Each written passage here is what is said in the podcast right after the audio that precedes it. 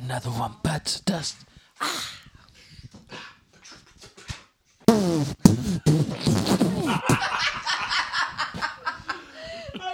Sämsta beatbox. Det var faktiskt riktigt, riktigt dåligt. Helt klart inte en alternativ karriär. Jag ska beatboxa mig genom hela podden.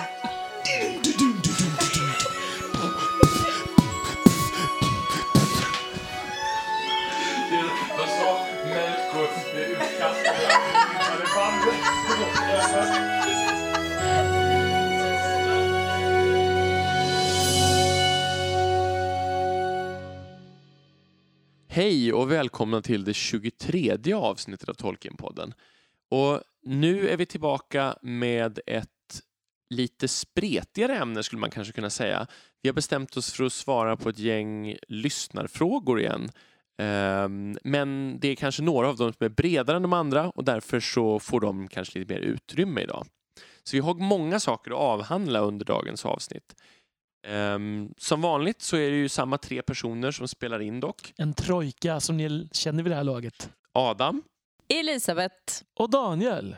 Men innan vi ger oss in på själva frågorna så har vi ett, eh, en liten nyhetsuppdatering att diskutera. Ja, det är spännande. Mm, Den, verkligen. den är snart här. trailern av nya filmen som handlar om Tolkien. Och heter Tolkien. heter Mm. Tolkien. Ja, Och det är alltså Ja. inte trailern som snart är här utan Nej, det är trailern den är- är här. Ja. Trailern är här. och Mm. filmen kommer snart, i maj tror jag att det var. Mm. Eh, och vi har självklart tittat på den här trailern ett antal gånger redan. Mm. Länken finns att hitta även på vår sida. Nej, men eh, det vi spontant kan säga är att vi hade väl ganska höga förväntningar innan trailern. Det hade jag i alla fall. Jag håller med. Ja. Och vi är inte besvikna efteråt. Nej, jag måste säga att mina förväntningar har höjts betydligt. Jag tycker det såg otroligt lovande ut. Mm. Ja, jag instämmer. Det, det är lite så här gåshudskänsla skulle jag säga. Mm. Till och med. Mm. Och jag tycker att den blir bättre för varje gång jag ser den också. Ja. Vi får se sen. Alltså, filmen måste ju leva upp till den här Ja. trailern nu då. Men ja, den, den, vi pratade ju om den här filmen, vi har ju pratat om den flera gånger, men vi har ju också pratat lite om vad vi förväntar oss, och, eller snarare vad, hur skulle man kunna Hoppas. göra en film? Och Mm. Hoppas, Mm. precis. Och vad vi inte vill ha har vi också pratat lite om. Eh, men den verkar liksom infria mycket av det som vi såg framför oss. Mm. Att den liksom fokuserar på den här studietiden och eh, Edith och eh, liksom första Kriget, världskriget. Ja. Mm. En helt rimlig avgränsning. Och att den gör det berättartekniskt verkar den just använda det här som vi pratade om i det avsnittet, någon slags förhöjd, alltså eh, man, man, man, säga, man kopplar ihop verkligheten med hans fantasi. Mm. Och det Mm. verkar liksom växla fram och tillbaka mellan vad han föreställer sig och vad som faktiskt händer. Och... Mm. Så det får det här magiska skimret som vi pratade om i det avsnittet, att han kanske ser världen genom någon slags magiskt fönster nästan. Ja, precis. Och det, det går ju igen i färgerna och i ljussättningen och i miljöerna som man får se i den här trailern. Mm. Eh, det känns som ett väldigt tydligt helhetsgrepp med det här magiska anslaget. Mm. Man hoppas ju verkligen att filmen sen kommer att behålla den här känslan så att det inte är att man har klippt ihop de bitarna som finns av det här och Mm. gjort någonting utan att är det här som kommer att genomsyra filmen så, så mm, kommer den att få ett högt betyg. Precis, det är inte bara trailermakaren som är väldigt duktig. Nej, det, det men så finns är ju det ju sådana. ibland. Absolut. Guldkompassen. Eh, och, och jag tänker att det, jag tänker också att man kanske, den förhöjs under filmens gång. Att det kanske börjar lite mer mondänt. Ja. Börjar Ehm, i verkligheten och sen Mm. Och att det kanske blir så att in. Ja. fantasin blir ett sätt för honom att undfly kriget. Mm. Tänker jag också. Mm. Precis. Men jag tycker också att de scener, de korta ins- scener kan man inte kalla det, men de korta klipp som finns från den här fantasinivån tycker jag är- har verkligen hittat någonting som, som jag ser i Tolkien. Den har hittat en, liksom en klangfärg som jag tycker ibland saknas i en del återgivningar av Tolkien. Mm. Mm. Självklart kan man se det på olika sätt, men den, den, den talar till mig estetiskt på något sätt. Ja, precis.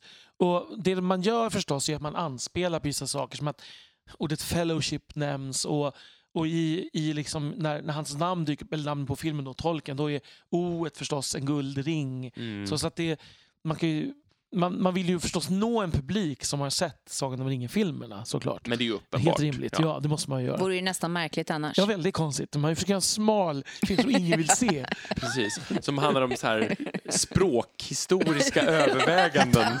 Han sitter mestadels och funderar över etymologier. Ja, precis. Exakt.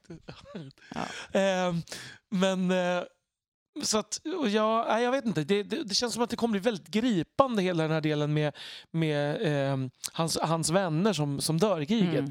Det kan man liksom ana redan i, Ja, i trailern. Ja, det, det var ju riktigt snyggt ihopklippt också. Mm. ja, verkligen. Och sen inte minst dansscenen då. Vi får Ja. se Ja. Edith dansa för honom. Man får se en kort, kort liten sekvens av det där i, och det ser så lovande ut tycker jag. Verkligen. Och det, man får en väldigt så här Luthiensk känsla av hela... Jo, för vi var ju så rädda för att den scenen skulle kunna bli väldigt fånig. Mm. Och det tror vi inte längre att den blir. Nej. Jag tycker också att de karaktärer som man får se tycker jag påminner också i ganska hög utsträckning om, om hur personerna såg ut i verkligheten. Och jag tycker att jag försökte hitta Tolkiens uttal på vissa ställen. Mm, det var vi väldigt impade av. Ja. Vi är taggade helt enkelt. Så ni får, eh, ni får eh, ju en fullödig eh, recension så småningom av den här filmen. Det kanske till och med blir ett avsnitt. Vi får se. Det kan det nog bli. Vi ska definitivt gå och se den så fort den kommer. I Mm. alla fall. Premiären. Wow! Snittar. Snittar. Bara för att fräscha upp det hela nu då. Eh, när var det? Det var i maj. Ja. Den tionde är det världspremiär. Eh, vet vi när den kommer just till Sverige? Nej, det vet vi nog inte. Ja, vi får kolla upp det exakta datumet Mm, om, det, om det skulle vara någon dag senare eller så. Men det lär ju vara runt den 10 maj. Mm. Jag är ju tillräckligt gammal för att minnas när filmen hade premiär i USA typ ett halvår innan de kom till Europa. Men nu för tiden är det ju sällan mer än en vecka. Nej, precis. Nu hoppas vi verkligen att det inte är på det viset den här gången. Och då har vi kommit fram till månadens Arda-profil.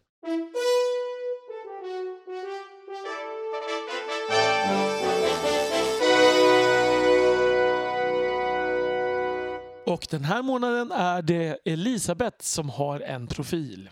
Varsågod. Tack så mycket. Eh, innan jag bestämde var jag skulle landa för någonstans så funderade jag på vad har vi inte pratat eller vilka eh, grupper har inte fått så mycket utrymme i förhållande till hur mycket utrymme de får i böckerna. Och då landade jag på alver. Eh, vi har inte pratat om så väldigt många i alla fall under Två kanske? Två. Mm. Sen har man väl kommit in, och jag är rädd att vi har kommit in på kanske den här mm, minst en gång. Men jag tänker att det är ändå en person som bör få lite utrymme, helt enkelt. Eh, den här personen är eh, språkkunnig. Eh, den har två syskon. Och eh, den eh, är berest. Vad säger ni? Kan ni plocka vem jag pratar om? Det är inte Adam vi pratar om då. Det stä- stämde ganska väl. Allt stämde. Ja. Jag är inte så berest till Mexiko. Ja. Och jag älskar att det faktiskt går att göra eh, någon beskrivning som ni inte plockar på sekunden. Eh, Ja, Det vi känns Behöver extremt nog bra. något mer. Mm. Jag behöver mycket mer kan jag säga. Fick ju ett namn på varje men inte något som stämde in på alla tre. Nej, Mm. du smälter ihop dem. Eh, den här eh, personen eh, lever under eh, ringens tid. Så att nu kan vi plocka bort hela Silmarillion. Den här personen eh, eh, tvingas ta lite eh, tydliga beslut kring saker som den inte känner sig riktigt säker på hur den ska hantera. Det här är svårast hittills, vill jag verkligen Det här säga. känns jättebra. Mm. Det finns ju inte så många namngivna alver i Lord of the Rings. Mm. Mm. Mm. Som har syskon också. Mm. Det är ju bara första ettorna som har syskon. De här syskonen är inte eh, lika språkbegåvade som den här personen själv är. Eh, och därför så, så får han, för det är en han, eh, vara med ofta med, eh, i sammanhang där man pratar med utlänningar. Jaha, nu förstår jag. Det är Haldir. Jajamän. Vi kom på det exakt samtidigt. Ja. Det är nog ovanligt. Ja. Ah, just det. Men det var ingenting som jag sa som inte stämde, eller hur? Är han berest?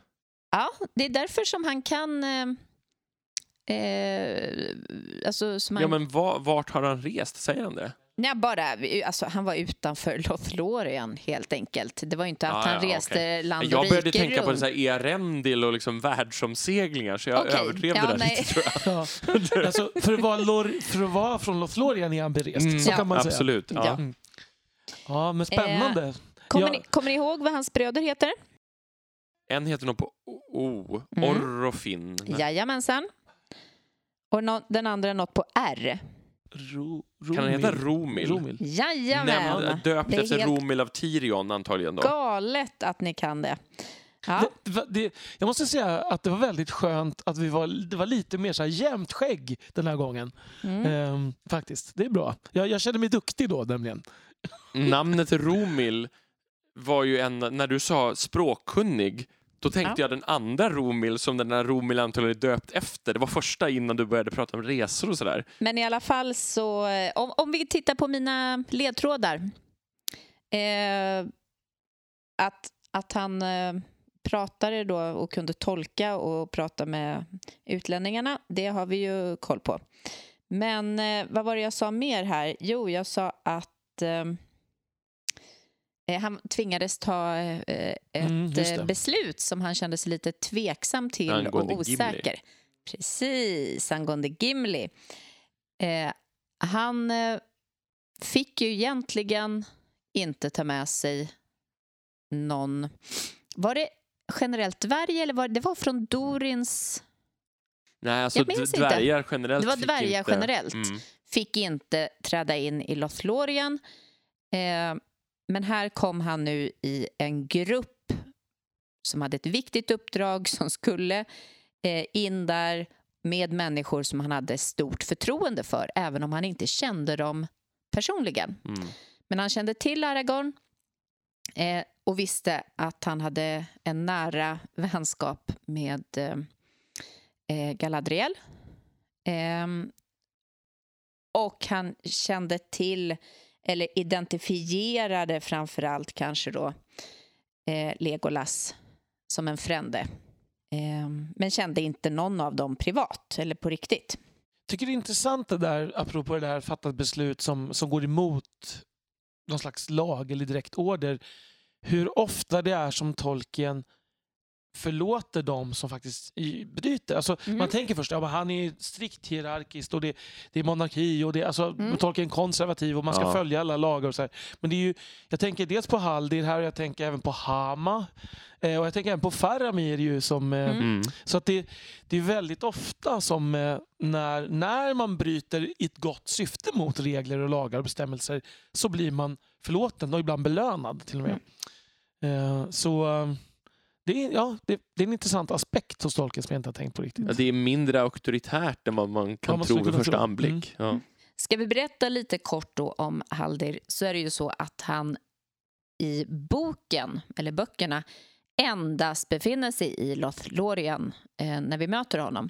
Han eh, kommer inte att dyka upp eh, på någon annan plats senare i Mm. historien utan troligtvis så är han där och strider när de blir invaderade. Mm. Eh, det är väl det mest sannolika. Eh, han blir väldigt fascinerad när Mary berättar om eh, sitt område och hur nära eh, eh, The Shire är till de grå hamnarna. Just det. Eh, och tycker att de är oerhört lyckligt lottade som får leva så nära havet. Eh, och förstår inte alls varför de inte har åkt och besökt det där havet när de nu befinner sig så nära. Eh, han eh, beslutar ju sig för att Gimli får fortsätta men säger att han måste ha på sig en ögonbindel. Och då slutar det med att de alla eh, tar på sig ögonbindlar, vilket några accepterar utan problem. Efter lite fåniga prestige... eh, Lite andra svårigheter när det handlar om Legolas. Det är en lite töntig scen alltihopa. Verkligen, det är li- Mm. lite mycket snoppmätning. Ja. jag tänkte, jag tänkte säga tuppfäktning, men du gick ett steg längre. Eh, lite faktiskt. Men det, men det är vad det är. På Till skillnad från... Det är lite som faktiskt också, apropå Hama, som när de håller på envisas med att jag måste få ta in mitt svärd. Ja, Ja. Men, men om min yxa får stå här så... Och det här är minsann mitt svärd Ja. som är ärvt genom generationerna. Ja. Mm. Ursäkta. Ja. Detta med prestige är viktigt hos Tolkien. Ja, eh, men sen så kan jag också tycka att det som är något mer förlåtande än de här svärden eller andra typer av mätningar Ja. så, så är det ju att han kanske inser att synen som han går miste om Mm. är ganska enorm. Att han, det här är någonting som han kanske har drömt om att få se och uppleva eh, under väldigt lång tid och här finns möjligheten och då ska han plötsligt gå med, eh, med någonting som gör att han inte kan se överhuvudtaget uppleva det här. Eh, så att mm, på sätt och vis kan jag förstå Legolas mer än övriga såna här Mm. Ja, de övriga tjafsar ju inte så mycket. De övriga tjafsar ju inte då, med, eh, om man jämför med de det här med svärd. svärd Ja. och yxor och annat eh, problematiskt. Mm. Ja, nej men eh, det var väl... Ja. Jag vet inte om det finns något mer att säga om Haldir. Nej, alltså, riktigt. vi kanske ska bara göra den där avstickaren med filmerna. Han har ju en, han, En helt annan en roll helt i filmen. annan roll i filmen Ja, där han liksom dyker upp i Helms Deep. ja. Mm. och nu är det ju så här att den enda alven som är i Helms Deep enligt boken, det är ju Legolas. Mm. Eh, det är ingen annan som dyker upp. Eh, de har redan problem på sina egna fronter och de är inte involverade i eh, den här utmaningen överhuvudtaget som sker där. Nej, precis. De har väl... Det finns ju flera anledningar till att de har valt att ta dit alverna. Dels är det för att visa att alverna också slåss i Mm. kriget. Och dels är det för att Peter Jackson han, han har någon så här romantisk syn på så här krigsfilmer där, där mm, hoppet är egentligen ute men så kommer någonting som ger en ny strimma av hopp Mm. i sista sekunden, liksom, elfte Mm. timmen Mm. till och med. Ehm, Å andra sidan så hade ju det faktiskt skett ändå om Ja, man hade hållit sig till absolut. den riktiga storyn. Absolut. Och det är lite dessutom som den här, man brukar, sista alliansen var inte sista alliansen utan Nej. det blir lite som min systerdotter som förut sa sista sista, bara, nu är det sista, så här, typ om något Ah. ord är så bara om nu är det sista sista, det betyder att det finns alltid en till. Så det, det kanske är sista sista alliansen då. Mm. The last last alliance of elves and men. Ja.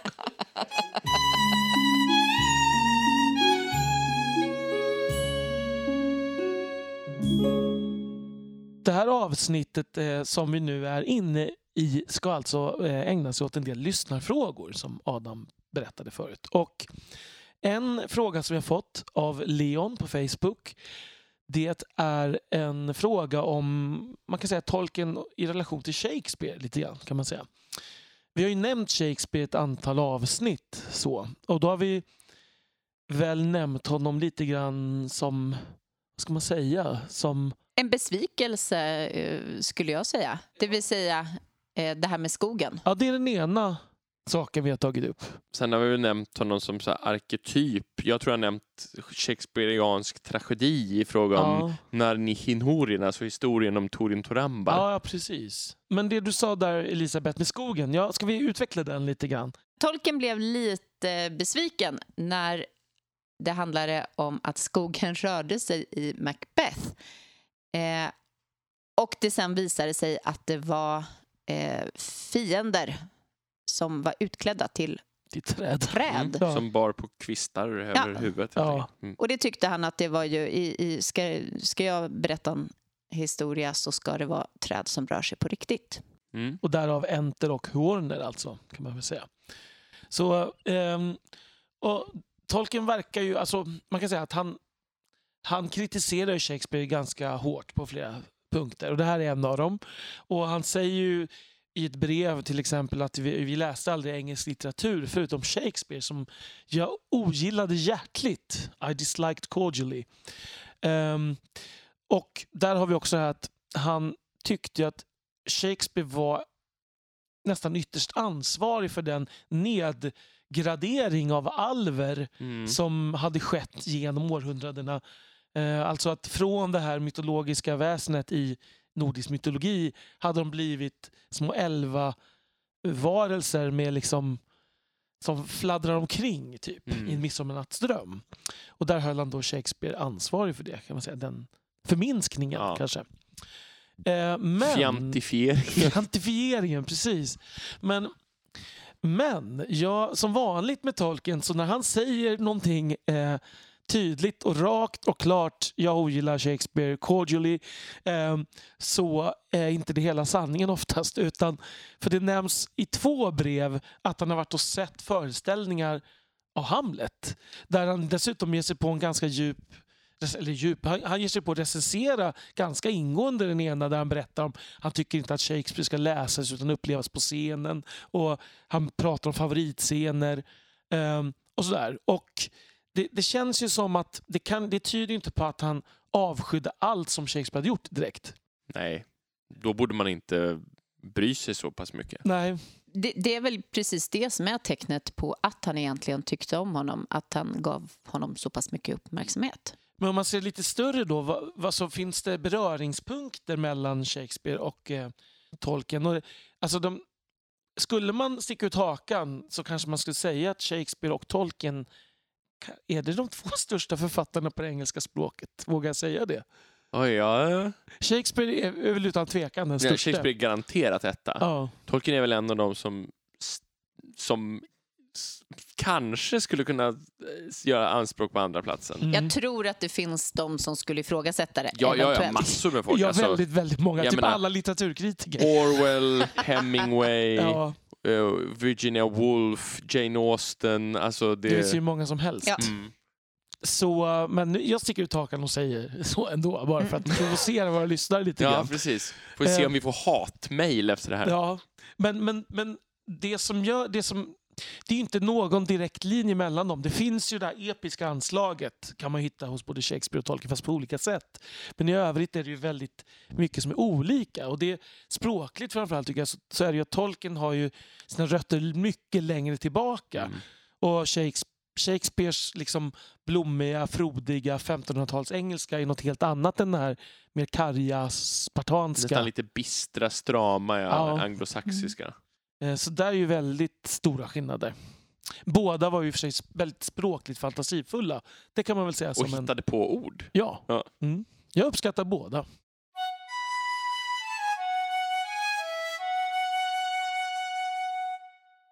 Vi har också fått en fråga av Viktor som undrar varför Sauron inte blir osynlig av ringen. Eh, han skriver att i filmen syns han och jag uppfattar det likadant i böckerna. Ja, ehm, vi uppfattar väl också likadant för att Isildur Mm. häng, hugger ju ringen av Saurons finger och det är inte helt lätt att göra om Sauron har varit osynlig. Nej, Vifta lite här och där och Mhm. då ska Ja. man ha tur. ja, Mm. eller det, han Mm. kanske inte ens siktade på det. Nej. Det, det var en olyckshändelse i arbetet. Nej, precis. Då är frågan... Jag tänk, min spontana tanke är att Sauron är ju ringens skapare och den som har störst makt över ringen. Alltså, i Saurons fall är det ju han som har makt över ringen och inte tvärtom. Mm. Upplever jag det som i alla fall. Mm. Han har ju Mm. inte ingjutit sin makt i ringen för att den ska styra honom, utan tvärtom. Så att han har ju makten att... Han kan säkert välja att bli osynlig, tror jag. Absolut. Men, men, han, men, det är inte, men det är inte så någon, sker inte per automatik på något Men jag sätt. tänker också att det är viktigt att tänka på att osynligheten inte på något sätt, som jag uppfattar det i alla fall, är ringens makt. Nej. Alltså det är, det är den här dominansen, kraften, den magiska styrkan. Eh, att styra och härska. styra och härska och söndra. Det, det är det som, som ligger i ringens natur medan osynligheten är mer en Bi- sidoeffekt. bi- Ja, precis. Mm. Eh, jag tänker att eh, ringen till och med kanske är... Man kan se det som att det är en del av honom. Eh, Mm. Och att eh, när någon annan tar på sig ringen så tar man på sig något som är en del av, av Sauron. Mm. Eh, vilket ger den här effekten kanske då.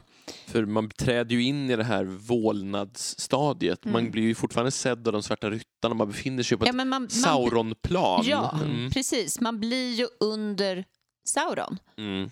Eh, förutom Att Sauron inte ser den automatiskt. Ja, men stora undantaget är ju Tom Bombadil som inte... Alltså, när det handlar om att ha, ha makt Mm. så har Sauron inte någon makt över honom. Alltså gör, blir han inte osynlig. Nej. Så, så tänker jag på Ja, nej, men det går ju också ihop med att till exempel Galadriel och Gandalf är så rädda för vad som skulle hända om de tog på sig ringen. För att de skulle på något sätt skulle hamna under det här eh, ja, maktskynket. Ja, och samtidigt så är väl kanske det som är det problematiska i det också. För att då skulle man ju egentligen säga att det är givet att han har betydligt större makt än någon av dem Ja, det skulle jag ändå med säga att absolutet. det tycker jag att man kan säga. Att Sauron mot Gandalf en mot en, inget suck för Gandalf. Det, så tolkar jag det. Galadriel ännu mindre. Alltså att det, han är överlägset det mäktigaste väsendet i Midgård kvar. Det skulle jag hävda ändå. Även med ringen. Ja, alltså, han, men nej, alltså, han har gjutit in en så stor del av sin egen makt i ringen för att ge sig själv större, liksom, större kraft genom att kanalisera genom den, tolkar jag som. Så för det står ju rakt ut att om någon annan har ringen som är tillräckligt mäktig, då skulle de kunna... Ja, men, och det är det jag menar. fälla Det är Sauron, det ja. jag menar. För då är ju frågan, hamnar verkligen Gandalf eller Galadriel med ringen på sig under Sauron? Nej, men, men jag, jag kan tänka att jag, jag har alltid tolkat det så här att man inte riktigt hamnar kanske under Sauron, men jag har alltid tolkat det som att eftersom Sauron har valt att överföra en så stor del av sin egen kraft till ringen för att det skulle öka hans sammanlagda kraft, Mm, så blir han så pass försvagad utan ringen mm, att han inte har direkt inflytande. Men eftersom ringen är liksom fylld med hans intention eller hans vilja eller, så, så blir det, man hamnar i hans liksom tillstånd ändå. Eh, för man, antingen så faller man för honom eller så blir man honom. Och, fast då finns det ju också frågeställningen där. Eh, vi vet att människor blir osynliga när de tar på sig ringen. Vi vet Mm. att hobbitar blir osynliga. Eh, men skulle Galadriel och Gandalf nödvändigtvis bli osynliga? Ja, jag tror det eftersom de är så rädda för att sätta på sig ringen. Jag tror att det är de effekterna, det, det är ju bara en spekulation, men jag Mm. tror att de effekterna är knutna till varandra på något sätt. Men det är, det är faktiskt inte, jag tänker, det är inte 100% säkert med Gandalf tänker jag. Nej. Det är möjligt att den skulle ha all övrig skadlig inverkan. om Ska säga. Eller snarare, den har ju, den har ju olika... Han menar, Gandalf säger ju till och med att effekten skulle bli olika beroende på vilken styrka bäraren har. Så att för en hobbit som är väldigt oansenlig kanske just osynligheten blir vad ska man säga, det dominerande nästan. Men för Gandalf kanske han kanske skulle kunna ha tillräckligt mycket makt för att just den effekten, han skulle kunna välja bort det Mm. när han får på sig, men skulle duka under på andra sätt. Men han skulle inte duka under på samma sätt som en hobbit. Utan Nej. han skulle ju förledas in och bli, som du säger, han skulle bli typ Sauron. Mm. Gradvis. Ja. Hän- Ändamålen helgar medlen tills det går åt skogen. Mm. Då har vi kommit fram till den fråga som jag skulle tro tar lite längre tid att besvara. Och det är Hannes som har eh, undrat lite om, ska man kalla det för gudarna? i mytologin. Vi kan väl reda ut det där eh, så småningom. Det finns ju en skapare, men sen finns det ett gäng under eh. Eller pers- Mellanchefer. Ja, Mm. precis. Eh, och då så kallar vi dem för... Nu, nu blir jag lite ställd, för att jag vill säga valar, andra säger vallar. Eller eh, vad är det nu egentligen som man kallar dem? Ja, alltså vi kommer ju ha ett, eh, ett fint långt avsnitt någon gång om hur man uttalar alviska ord. Men det är alltså så att ordet som stavas så som valar ska alltså uttalas med kort A och kort L. Så borde bli vallar. Vallar. Mm. Ja. vallar. Och då är ju eh, svårigheten när man är svensk så är det ju att det här existerar faktiskt inte i det svenska språket. Så det är inte konstigt att det är problematiskt för oss. Nej, det blir ju lätt valar eller valar. Så. Mm. Ehm, jag tror att även tolken hade problem själv med att uttala de här sakerna. Ja. Så. Mm. Men eh, då kan åtminstone ni sitta hemma och öva på att säga vallar. Precis. Och om man eh, råkar kunna finska så mm, kan Då är det man, jättelätt. kan Mm. man tycka att det är mycket lättare. Ja, precis. För det används i finskan. Och det ordet betyder makterna, eller hur? Mm.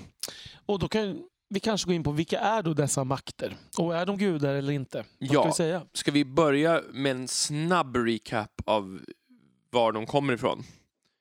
Ehm, I begynnelsen är Ero, alltså Gud, Mm. eh, i, hos Tolkien. Ero eller Iluvatar, det är samma person. De här två namnen använder vi då och då.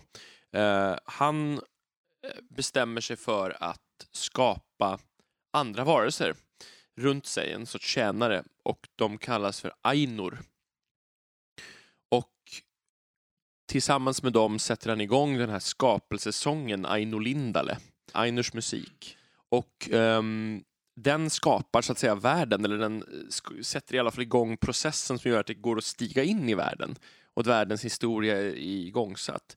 Och de av Ainur som kliver in, de mäktiga av dem blir valar, de, de största makterna, Mm. och de under dem kallas för majar. Och det är lite mindre mäktiga Ainur. De här två ehm, är alltså båda, alla som kliver in är alltså någon sorts gudaväsen men av olika rangordning helt enkelt.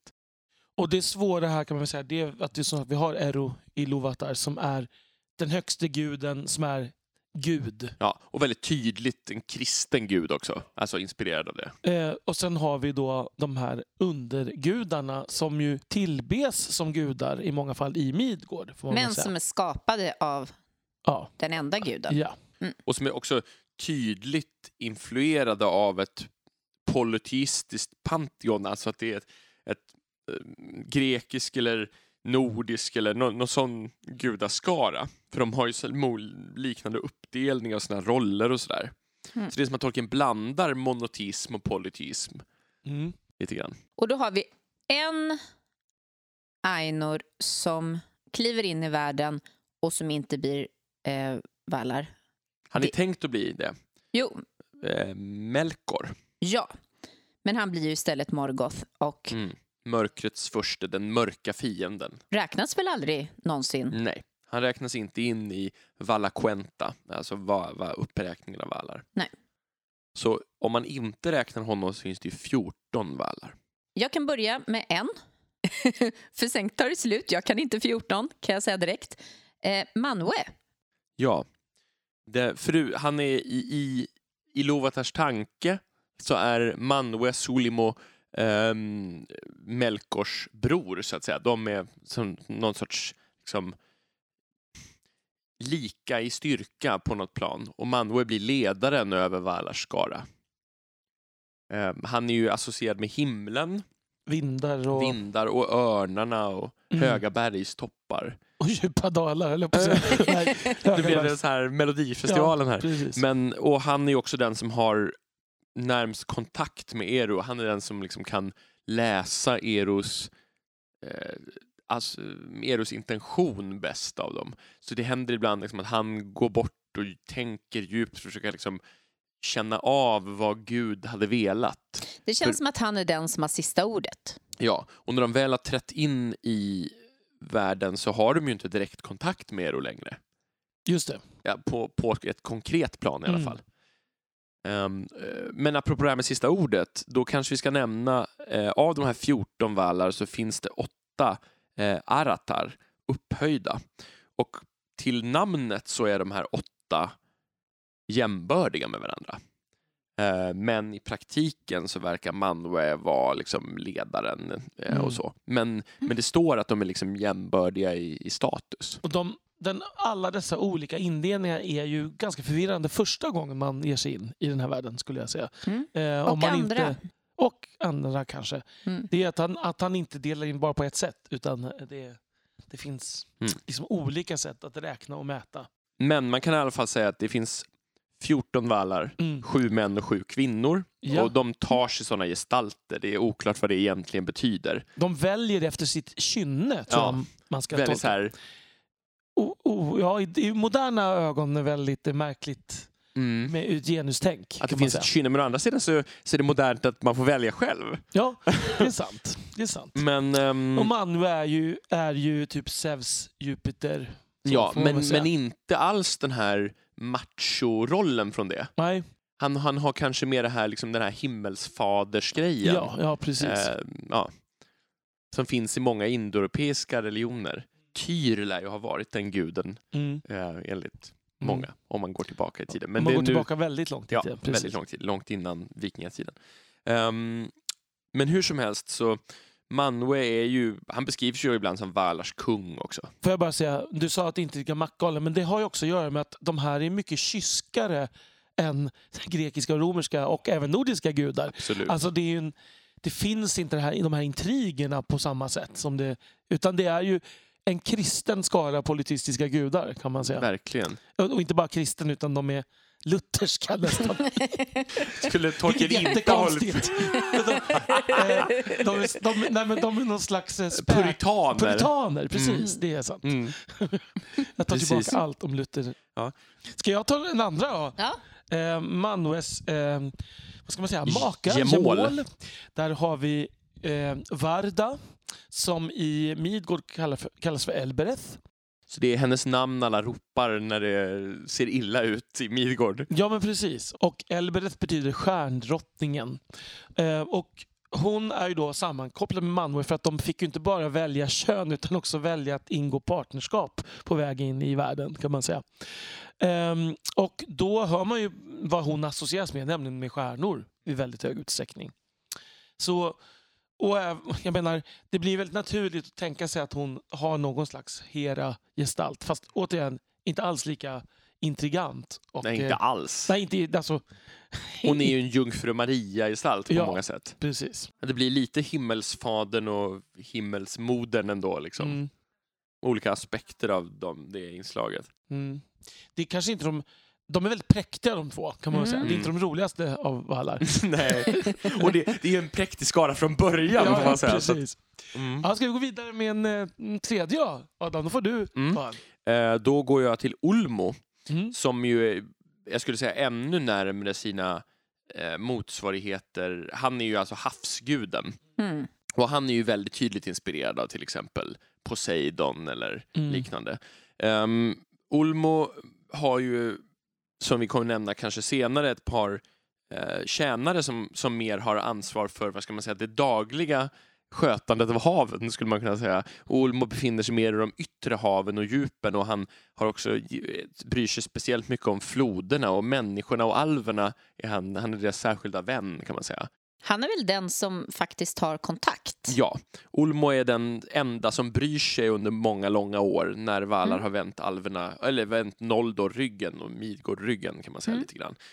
Um, Ulmo är lite av en ensamvarg och lite liksom spenderar inte så mycket tid i Valinor med de andra gudarna men han, han är ofta den visaste. Det- Han har alltid rätt i de här Mm. diskussionerna. Man förstår att Tolkien håller alltid med Ulmo i de här diskussionerna. Och eh, det känns ju som att han tar vattnet och sen så har vi luften. Då är det ju egentligen berget Ja, eller jorden. Ja, så. eller Mm. jorden som, som känns som det eh, tredje stora liksom, elementet. Um, Aule, eh, han är ju förtjust i em, jord och berg och eh, dvärgar. Och hantverk och tillverkning. Han är den praktiska Valan. Hephaistos, Ja. typ. Precis. Eh, och man, han beskrivs ju kanske som lite mer impulsiv och lite mer eldig, lite mer känslostyrd än de där andra högsta. Ja, inte riktigt lika präktig. Nej. Ehm, Han är väl i stort sett den enda som gör någonting busigt. ja, det skulle man kunna säga. Och det är också så att han... ehm, det sägs också i senare versioner att någonstans i Tolkiens anteckningar att de flesta av de väsen som sluter sig till Melkor och ondskan kommer från Mm, Aules igen. skaror. Mm. Så Mm. man skulle kunna tänka att den här lite impulsiva, eldiga kraften är lite mer lätta att locka till ondskan än de här snorpräktiga teoretikerna i de Men, andra men, men leden. samtidigt så är väl Aule eller Melkors värsta fiende i Ja, princip. Men han är den goda sidan av det här. Han är den här tydliga som går in helt och fullt på det goda, i enkelspårigt må hända, men liksom, Mm. han blir liksom motpolen. Mm. Men apropå det här som vi pratade om förut, att det f- känns som att tolken går emot sig själv här. Men även här så är det ju en situation där man alltså bryter mot regler och sen ändå så får, uh, mynnar det ut i någonting positivt. Man blir belönad i Man princip. blir belönad. Det vill säga, han skapar dvärgarna eh, fast att man faktiskt inte får skapa några varelser. Eh, och sen så får han ändå behålla dem. Mm. Men det Ero säger är ju att tror du att du hade kunnat skapa någonting om det inte redan hade ingått i min plan på något sätt? Och här har de ju någon sorts underlig kontakt med Ero. Mm. Det här kliver han ju faktiskt in i världen. Det Det också, bryter också lite mot den andra, att han faktiskt har ett direkt samtal med honom, Mm. med Aule. Mm. Eh, vilket de i princip inte har i övrigt. Nej. Då drar jag till med Javanna. Som ju är en väldigt sympatisk valla, tycker jag. Det kanske bör veta, en valla, flera vallar. Kanske vi ska säga. Ja. Javanna har, hon har hand om träd och växtlighet och eh, eh, odling och sådana saker. Jag har alltid tyckt att hon känns väldigt inspirerad av Demeter, den grekiska odlingsgudinnan. Hon är ju kanske lite mer liksom med den vilda växtligheten, Ja, men det känns ja. ändå lite likt. Ja, absolut. Jag håller med. Det, eh, och hon är, men precis, hon är som en blandning mellan Demeter och en dryad på något Mm. sätt. Eh, men eh, jag vet inte, jag har alltid gillat Javanna. Hon har ju också en särskild koppling till enterna av naturliga skäl. Dessutom tror jag att Tolkien gillar Javanna eftersom Tolkien var så otroligt naturälskande. Mm. Och den här Mm. kopplingen till enterna, den är ju faktiskt kopplad till hennes gemål, nämligen Aule. För att Javanna blir orolig över att dvärgarna ska använda sig av naturen och då går Javanna i princip och klagar till Manwe eh, som, som då går och mediterar och konsulterar Gud och säger att det ska träda fram trädherdar som ska skydda naturen från... Dvärgarnas yxor. Ja, precis. Lite jobbigt när man orsakar det och samtidigt är gifta. Mhm. Det, är väl det, det känns ju återigen lite, lite grekiskt ändå. Mm. Faktiskt. Ja, det finns någon typ av konfliktsituation, men de verkar ta det med ro. Absolut, får man säga. Ja, De verkar hantera ja. det. Ja. Nu har vi alltså täckt in fem stycken av Aratar Mm. och då kan vi gå till eh, de två Fiantori kanske. Eh, den Fiantori eh, är en samlingsnamn på två bröder. De, de är jättekrångliga för de har dels ett gemensamt namn, dels så har de två namn som används ganska regelbundet i texterna. Namo eh, kallas oftast för Mandos eh, för att hans salar kallas för Mandos. Han är dödsvallan, vi kan ju börja med honom. Mm. En domare, kan Ja. man säga. Mm. Ehm, han är ju en domare, dödsgud, ödesgud. Mm. Och ehm, det här med att hans salar kallas Mandos, att han döp, det är samma sak med Hades Jag i tänkte ju säga det. mytologi. Det är kan samma det bli sak. mer likt? Ja, nej, det är uppenbart lånat därifrån. Ehm, och Mandos är lite kallare, lite sådär sträng och, och känslokall, känslolös. Det är ju bara den här gången när Luthien, Luthien dansar. dansar, ja. Så det är det som är det fantastiska, att hon bevekar Du menar till när Mand. spelar... Nej, förlåt, det var en annan mytologi. Ja. Precis. Och, vad finns det en koppling där? Nej, jag vet inte. Ja. Ehm, ja, och Mandos är väl också känd för att ha uttalat eh, den här ehm, den här profetian över vad som ska hända för Noldor när de gör uppror mot Valar. Men han, för han är lite av en ödes... Mm. Eh, alltså det, det är någonting, det är inte bara dom som i judgment utan även som i doom i Mm, princip. Känns det precis. lite som man kan koppla ihop med honom. Mm. Ja men absolut. Är, han är kopplad till domen och ödet och hans salar utanför själva Valinor eh, är ju där själarna samlas. Eh, och människorna mellanlandar där för att sen fortsätta ut i mörkret och natten medan eh, alvernas själar samlas där och om de vill så kan de sen återinträda i en kropp.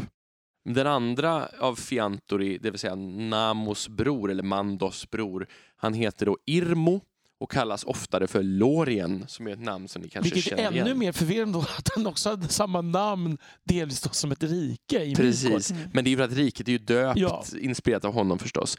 Och han är en Vala som har en kanske lite mindre tydlig roll. Alltså att han är kopplad till sömnen och vilan och, och liksom eh, halvljuset och sånt här.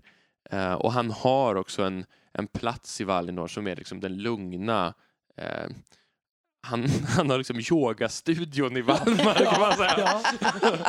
Precis. Ja. Så ja. ehm, Men det kan man väl ändå tycka att det är en rimlig koppling om de nu har något brödraskap där. mm, Halvvilar hos Lorien och sen går man och helvilar hos Mandos. Ja, precis. det är hans trädgårdar där som Ja. är den här platsen då.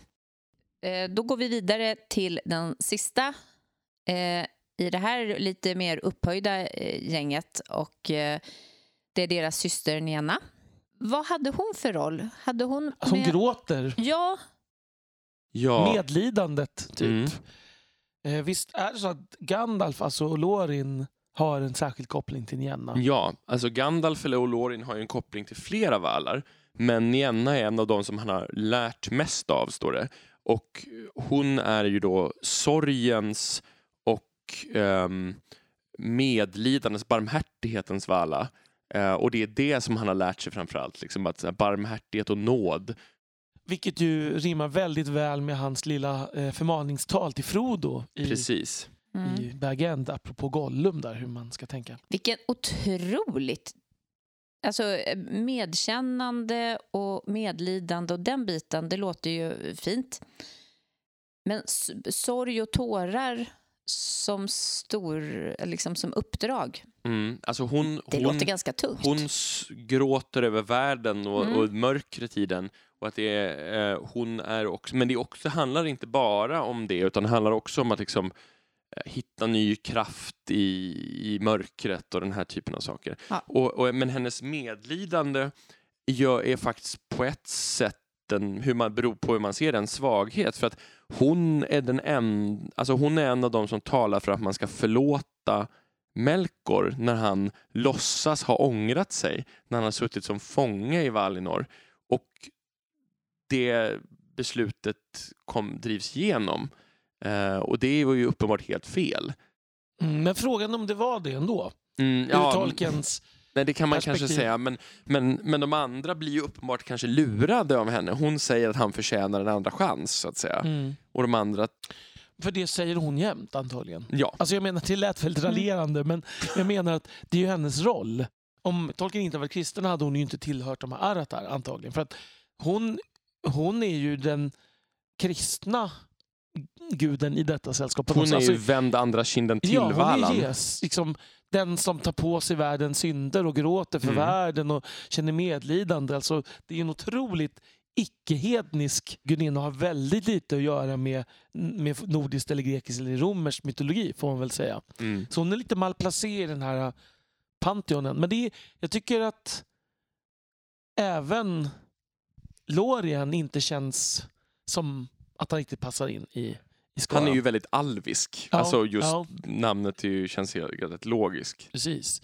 Jag vill bara säga ett lite förtydligande. Eh, vi sa Gandalf eller Olorin. Olorin är alltså Gandalfs riktiga namn borta på andra sidan haven i Amman, i gudarnas vi land. vill bara påminna om att han alltså är ett av de här väsen, Ja, ett precis. dessa väsen som inträdde i världen. Och han kallas alltså Gandalf i sin trollkarlsgestalt. Och har många andra namn i Midgård också. Men eh, vi, ut, vi sa lite fel här, eller uttryckte oss lite konstigt. Eh, vi har alltså tagit upp sju av de åtta Aratar och Irmo som vi har nämnt här, vi tog upp honom för att han var en av de här Fiantori. Han är inte en av Aratar. Den sista och åttonde av dem är Orome som är om, eh, om Nienna är, inte är en hednisk gestalt så är Orome passar in desto bättre. Han är jägar, en jägargestalt, jagar monstren och rider med liksom mandom, mod, mod och morskemän, eh, så att säga. Han är den som utforskar Midgårds vildmarker och det är han som möter alverna eh, och, och eskorterar dem till, till Valinor från början. Men har lite av en oklar eh, roll på något sätt ändå, va? Eller liksom tillhörighet. Mm, han är ju lite Orion, lite sådär, den, den gestalten.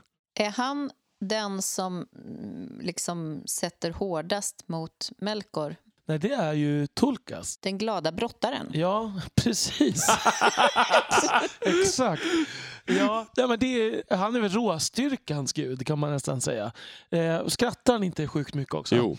Eh, det är liksom, han är en väldigt enkel person på många sätt. Stark och lite korkad. Mm. Det är väl lite lite Tor. Mm. Eh, ja, men han är ändå så försvararen. Liksom. Ja, lite krigsgud, mm. lite mm. Ares Mars. Sådär Precis. Också.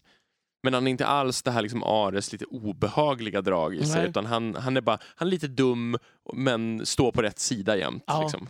Och Morgoth har lite respekt för honom. Ja, han är, ju, han är livsfarlig. Han är ju den hårdaste av alla. Um... Han smörjer in sina biceps varje kväll med, med olja. och så. Och, st och står och spänner framför en spegel. Det kan jag föreställa mig, ja. ja. Um, så nu har vi alltså nämnt tio stycken, mm. om jag, bara så jag håller räkningen. Yep. Det är de åtta Aratar och så Irmo och Tulkas mm. som jag har nämnt hittills. Um, men som ni märker så har vi klar övervikt på män hittills. Vi har nämnt alla sju manliga valar nu. Um, mm. Så nu får vi gå vidare med några av de andra kvinnorna som också kallas för valjer med ett annat namn. Som alltså, och det är lite kanske symptomatiskt då att bland de här åtta aratar så är det fem, fem män, män, och tre kvinnor. Ja. Mm. Bland de som är kvar då har vi Vajre som är eh, väverskan som är Mandos fru. Och hon sitter väl och väver på någon slags världsväv då, tänker jag. Alltså allas öde och så. Det känns ju rimligt att koppla ihop henne då med Mandos. Mm. Som ja. sitter på... Alltså hon är någon slags... Eh, en av de tre nornorna där i Ja, men man kan säga hon, hon väver tidens väv och mm. väver in allt som har hänt och mm. så här. Mm. I berätt, den stora berättelsen om världen. Och liksom hon, de, den här väven sätts upp på väggarna i Mandos hallar mm, efterhand. Mm. Let's call spade a spade. Eh, jag har ingen aning om de sista här. Då är jag helt lost. Hur ser det ut för dig, Danne?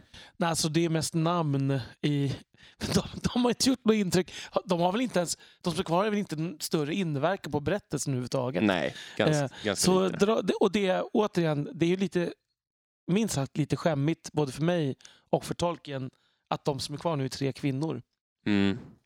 Eh, och det är ju helt klart de som har minst roller. Eh, den första av dem är Este och hon är eh, Irmos, alltså Loriens gemål och hon dväljs i de där trädgårdarna och hon är läkandets och helandets gudinna kan man säga. Det är också att komma tillbaka från sorg och smärta och lidande. Liksom. Hon är den som hon är balsam för själen så att säga.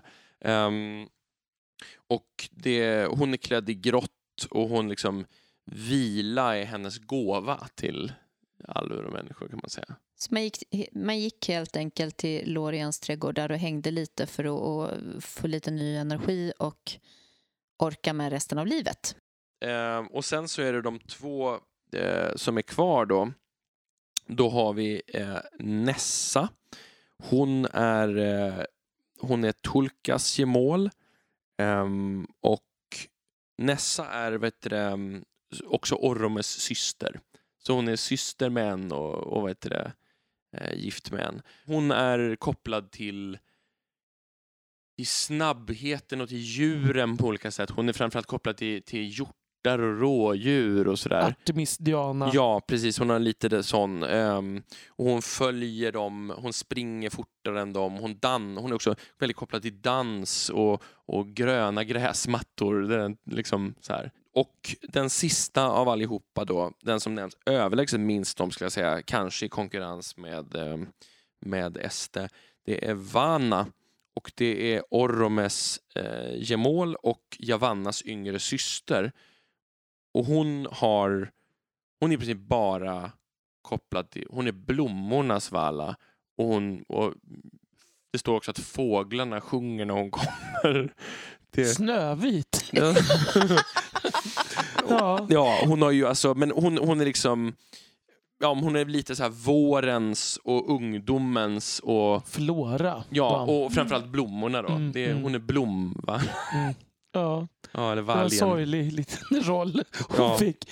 Det jag tycker är intressant, intressantaste iakttagelsen här nu, bortsett då för att kvinnorna är lite förfördelade som vanligt, eh, det är ju att det till skillnad från i princip alla andra mytologier inte finns någon kärleksgud eller gudinna, framförallt inte den fysiska kärleken Nej. överhuvudtaget. Och det, det säger ju något om Tolkien. Alltså att det finns ingen Freja eller Venus eller Afrodite som, är, som har det här sensuella och erotiska. Mm. Och de kvinnliga eh, liksom, medlemmarna av den här skaran är alla oerhört oskyldigt tecknade. Liksom. Det finns inte en antydan av det där. Nej, det finns ju inte heller någon ekivok manlig Nej, heller. Liksom. Det finns inte någon som drar åt det hållet överhuvudtaget. Nej. Eh, så det är en väldigt som sagt, puritansk samling eh, gudar. Mm. Man kan förstå att Noldor stack därifrån. Och, men det står också det, det står ju om Vanjar att Vanjar blev, det är ett annat alvfolk alltså. Mm. Vanjar blev kvar och satt vid gudarnas knän. Och man tänker så här, vilka, vad tråkiga de måste ha varit. Ja. Alltså för er som bara läser om ringen, Vanjar, de, det finns inga van, av Vanjar i Midgård överhuvudtaget. Nej, för de lämnade aldrig. Nej, de var ehm, besatta av, av sina gudar. alla de följde med till Valinor och de lämnade, de lämnade bara Valinor en gång och det var när eh, vet du, det, Valar drog i strid för att besegra Morgoth i slutet av första ja, men åldern. precis. Men då, då, Då följde då de dem följde de ju igen. bara, ja, precis. Men man kan väl eh, konstatera att det här rimmar ju ganska väl med det mesta som Tolkien har gjort. Det har ju inte funnits så många texter som han har producerat som har innehållit speciellt mycket erotiska skildringar. Nej. De långa sexscenerna i... Ja, Mm. ja, i ja, Gillis bonde från Hamn. ja. Ja. Nej, det är helt sant. Eh, ska vi nämna någonting? Vi pratade ju om att Olorin då var eh, också en av de här väsen, majar. Mm. Eh, och bara säga att då även Sauron eh, en kommer maja. därifrån, en Mm. maja. Eh, att eh, Luthiens mamma Melian? eh, också är det. Är det så många andra som eh, sådär... Ja, du har får- missat de två mäktigaste och viktigaste. Oj, oj, oj, oj. oj. Ja, vi har ju Manuels härold i Mm. Onwe, ja. är en av dem. Och Mhm. i många av de tidigare texterna så är han Manuels son. Just Men det. det har alltså ändrats. Det är en av få saker med gudaberättelser, större, större grejer faktiskt. Och Ionwe är näst efter Tulkas den krigiskt mäktigaste varelsen, så att säga, verkar det som.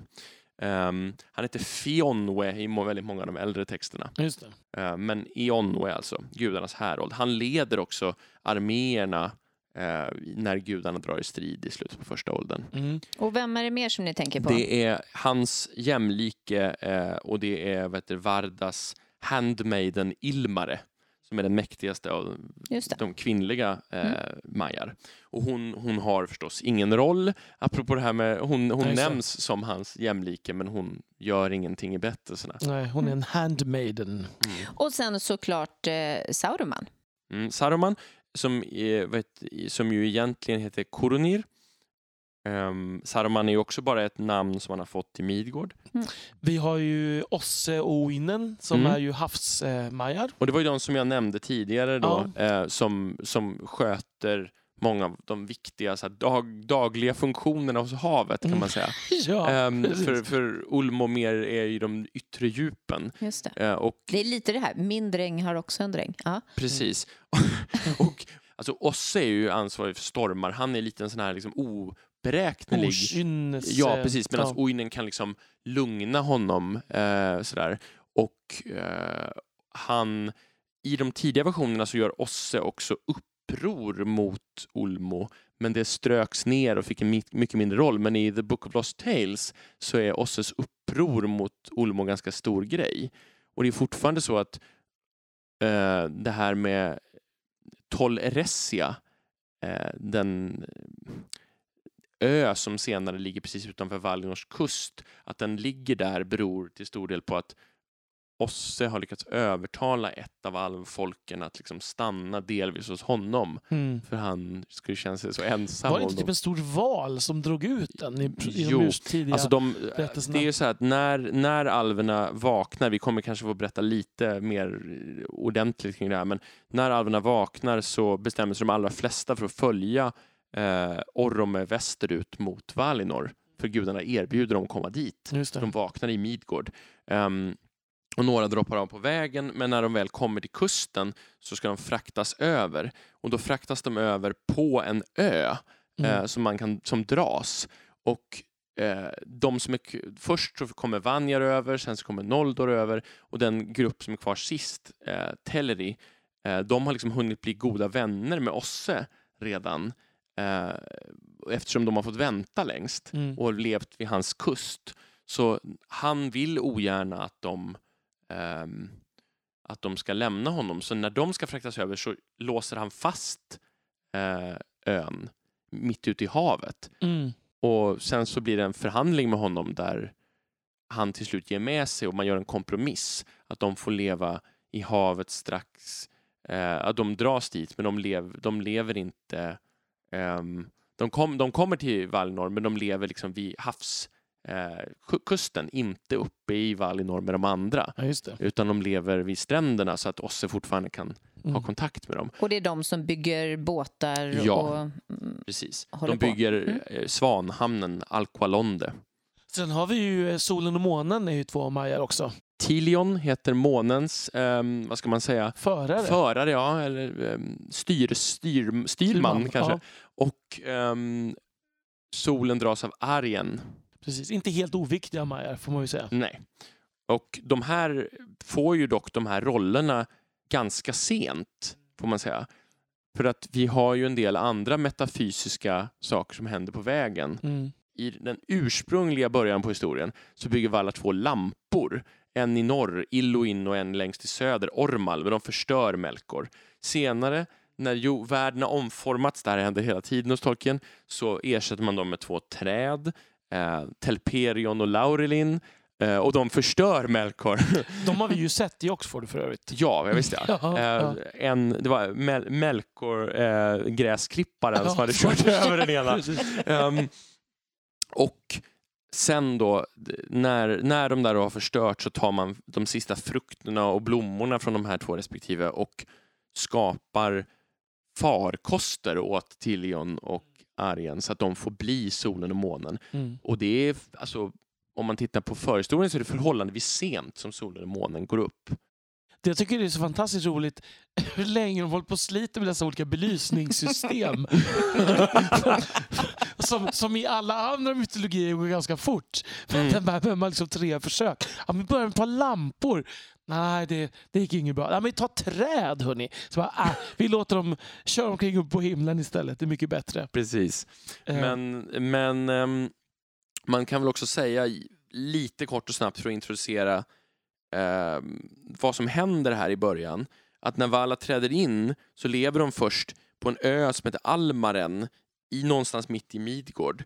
Ehm, och när Melkor då förstör de här lamporna, han har också trätt in i världen, då förstörs mycket av den här första versionen av världen och Almaren dränks och Valar flyttar västerut till det som senare blir Amman eller Valinor, en annan kontinent med ett hav mellan det och Midgård. Och, eh, men när alverna sen vaknar i Midgård så bestämmer sig Valar för att anfalla Melkor som har slagit sig ner i norra Midgård för att skydda alverna och sen erbjuda alverna att komma till Valinor. Och de allra flesta tackar ja, som vi nämnde.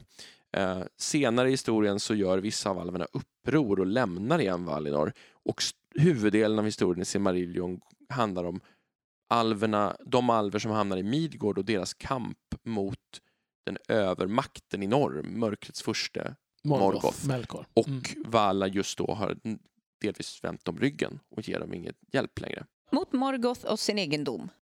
Ja, precis. Mm. De har nämligen de här Noldor, som är de som lämnar Val, eh, Val, de allra flesta Noldor, de har begått ett frändedråp. För att ta sig över så har de stulit skeppen från Teleris, vi nämnde tidigare, i Mm. Svanhamnen, Alkalonde och dödat många av sina fränder.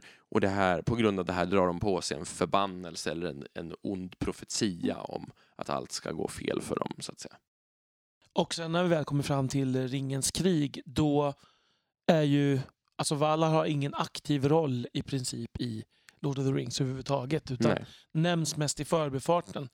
Den, det är egentligen den som nämns i princip Varda, alltså Elbereth. För att Mm. hon blir alverna i exil, kan man säga. Alltså Midgårdsalvernas... ehm, alltså det, det är deras um, Jungfru Maria-gestalt som de mm, kan man Och- säga tillber och, Och hyllar. stjärnorna blir en konkret Ja. kontakt med, med det, Med det värld de har förlorat. Ja, liksom. precis. Och hon är ju Tintalle, stjärntänderskan. Mm. Och det är ju henne som även till exempel Frodo ropar på när det är som mörkast. Mm. Fast han inte... Det är som en annan röst som ropar ur hans mun nästan. Och så. Ja.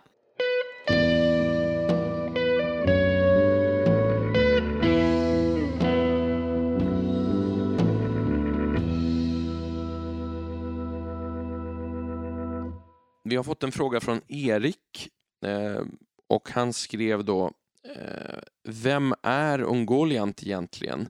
Melkor är ju en tydlig satansgestalt som all ondska verkar komma från eh, och all ondska verkar vara underordnad honom.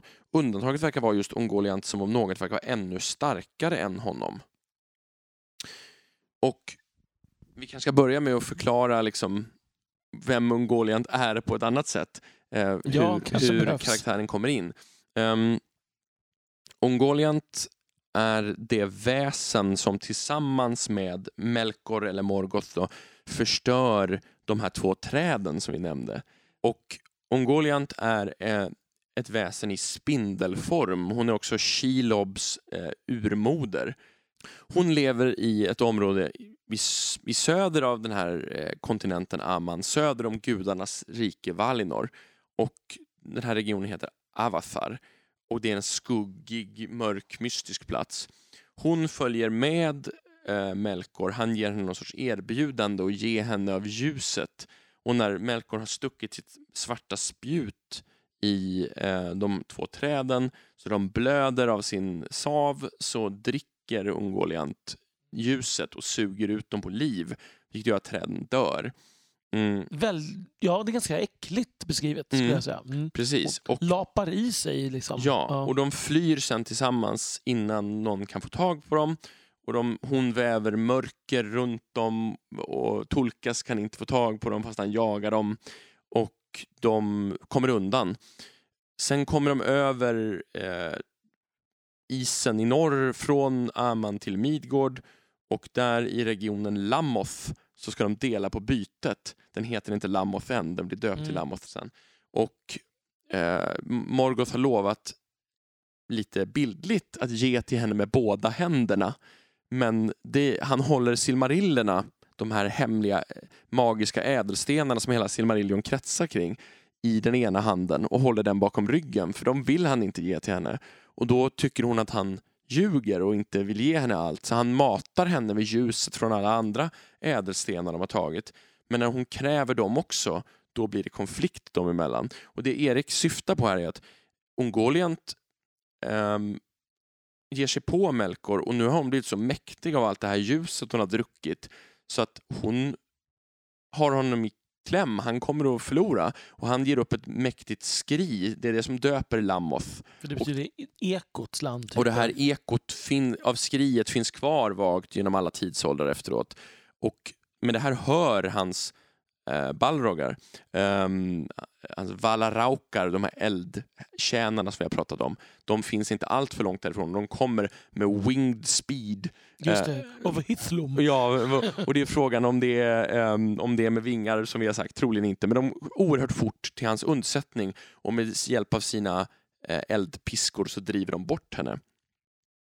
Ehm, och ja, om, jag, om vi ska slutföra historien så skriver Tolkien att det är oklart vad som händer med henne men att vissa säger att hon eh, men att man vet att hon avlade en massa med, med stora spindlar avlade hon den här, de här jättespindlarna, bland annat Shelob och hon eh, åt upp alla de här manliga spindlarna som sin, sin egen avkomma som hon sen hade liksom parat sig med som hon också åt. Och sen så eh, sä- sägs att en av eh, teorierna är att hon blev så hungrig att hon liksom åt sig själv till slut. Ja, för hon var bottenlös. Ja, fullständigt bottenlös.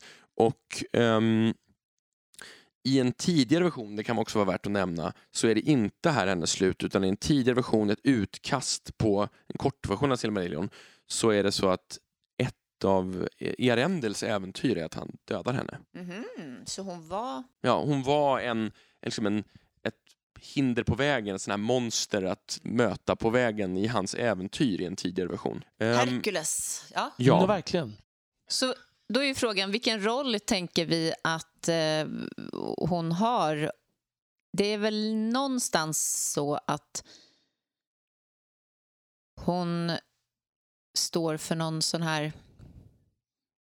Eh, nej men just den här bottenlösa delen i henne till skillnad från Melkor Morgoth som gör ett val av att välja ondska, välja en väg så är hon bara ett enda stort hungrigt frosseri av... kaosväsen. Ja, eh, eh, betydligt mindre medveten Ja. och bara driven av den här omättliga hungern. Mm. Ja, han har ju ett syfte, det har ju inte hon egentligen. Men, Och det intressanta med henne är ju att i den här versionen, kanon Silmarillion, så har ju hon då har hon en lite oklar bakgrund. Det är lite, man vet inte riktigt, hon är ett väsen i skuggorna, man vet inte riktigt var hon kommer ifrån och man vet inte riktigt vad som händer med henne till slut. Och i den senare versionen av Silmarillion som aldrig liksom blev publicerad, Tolkiens senare utkast, då är, är hon en av Melkors tjänare i, i ursprungligen, men hon har lämnat honom och liksom gett sig av på, på egen hand. Men i de tidigaste utkasten, Book of Lost Tales-materialet, då är hon inte någon sorts Maja eller något sånt där, utan Valar vet inte vem hon är. Hon är någon sorts urväsen Mm, mm. som heter Moru, tror jag, i det allra äldsta materialet. En nattväsen som, har liksom, som bara finns där i världsalltet. Som, och, och I den rollen så är det inte så konstigt kanske att hon kan liksom mäta sig med gudarna. nej. Men hur mycket av det skulle man kunna säga att man kan tolka in att det finns kvar sen då? Jag tycker att i den version som finns i Marillion så är det någon sorts blandning. Det står inte rakt ut om Maja. Utan hon och Tom Bombadil och The Cats of Queen Beruthiel Mm. är väl de enda sakerna som inte riktigt förklaras eller liksom Mm. inte har en ordentlig tydlig backstory. Och hon är en sorts blandning mellan den senare Maja-version hon ska bli och det ursprungliga nattväsendet utanför skapelsen som hon var. Det är nästan som att hon är en personifikation av någon slags djurisk instinkt bara. Mm. Något som kom in mer av misstag än alla övriga saker. Ja, Mm. Genom en reva i existensen. Ja, Typ. jag tycker det är häftigt faktiskt. Ja, vi säger så Ja. tycker Mm. jag. Jag tycker det är coolare att hon är en Maja. Ja. Jag gillar inte att allt blir ordnat till Nej, slut. Liksom nej. Mm. Eh, Det, det är lite som i Terry Pratchett. Det är, she's a creature from the dungeon dimension. Ja, just det. Eh, Men lite så. Mm, det fungerar lite så. ja. Och, och jag tänker också att så här, den här rollen som hon får, den är ju inte helt ovan från mytologi heller. Den här, det här monstret som kan utmana gudarna. Mm. Tyfon i grekisk mytologi som Zeus måste strida med. Eh, Jörmungandr eller Midgårdsormen som Tor och Midgårdsormen dödar varandra i slutstriden. Vi har ehm, Apep i, i vet det, egyptisk mytologi och ett gäng andra sådana. De är ju ofta ormgestalter i och för sig, men det är ändå någon sån här urmörker, kaos utanför skapelsen, inte riktigt inordnad i den vanliga ordningen. Liksom. Mm. Och om man tar eh, Elisabeths Herkules-koppling, om man, om man ser liksom hur det tidigare, Mm. Arendi, att i Arendi Ja. är då någon slags Herkules-gestalt så är hon ju Ja, men Herkules är ju verkligen betar av massa olika Mm. djur, kan man ju tänka. Lite hydran och Ja, lite precis. Ja, allt Mm. möjligt sådär. Men hon besegras ju egentligen inte av eh, någon valla här heller. Nej, hon drivs bort av balrogerna tillsammans. Och då får, det beror ju på om man ska se det som, i de tidigaste versionerna var de ju hur många som helst, i de sista utkasten var de sju. Jag tänker mig ändå att de i kanon Silmarillion ändå är relativt få, eh, tror jag. Men det är, men det är ballogerna som, som grupp som driver bort henne. Och spindlar har ju inte en sån roll i så många mytologiska. Eh, spindelgestalter är ofta kopplade antingen med trickster, förställning och så här, eller med tålamod, där väva väven Ja, med tid. till tid. också. Så, ja, Mm. precis. Så, och, ehm, eller med det där Arachne i grekisk mytologi som är en väverska som blir förvandlad till spindel. eh, kan man säga. Så att de, det är sällan spindlarna har det här monsterkaos-rollen som de får hos Tolkien både i Ungoliant och i Shelob, där de är u- det mörka urmonstret i båda rollerna. Det är intressant för att det, det är märkligt snarare att det inte förekommer tidigare för att spindelfobi är ju så otroligt vanligt. Mm. Ja. Att, inte, att inte det liksom är ett eh, drag som finns i många mytologier är ju nästan konstigt. ja, det är lite konstigt faktiskt. Men däremot, Tolkien lär ju ha haft spindelfobi då. Så att, Mm. Han säger väl till och med att han har någon minne av giftiga spindlar från, Från- att han var pytteliten Sydafrika. i Sydafrika. Ja. Kanske lite efterhandskonstruktion, men ändå. Säkert. Ja. Eh, och jag kan säga så här, jag har pratat psykoanalytiska psykologer. Eh, I Freuds symbollära så är ju, symboliserar ju spindeln den farliga sidan hos kvinnan. Min, mm, jag har vissa familjemedlemmar som brukar skoja om, om att det är Tolkiens rädsla för den överväldigande modern som, som spelar in i spindelgestalten. Men jag kan också tänka att de nästan skulle kunna vara, apropå det vi pratade om sexualitet, att de nästan blir en symbol för rädsla för sexualitet. Ja, det omättliga. Ja, ja. Den som tar för sig. Så fick vi in det ändå hos tolken på något vis. Mm. Jag tror han hade protesterat vildsint på den här tolkningen. Men han är inte här. Nej, precis. Och det är vi.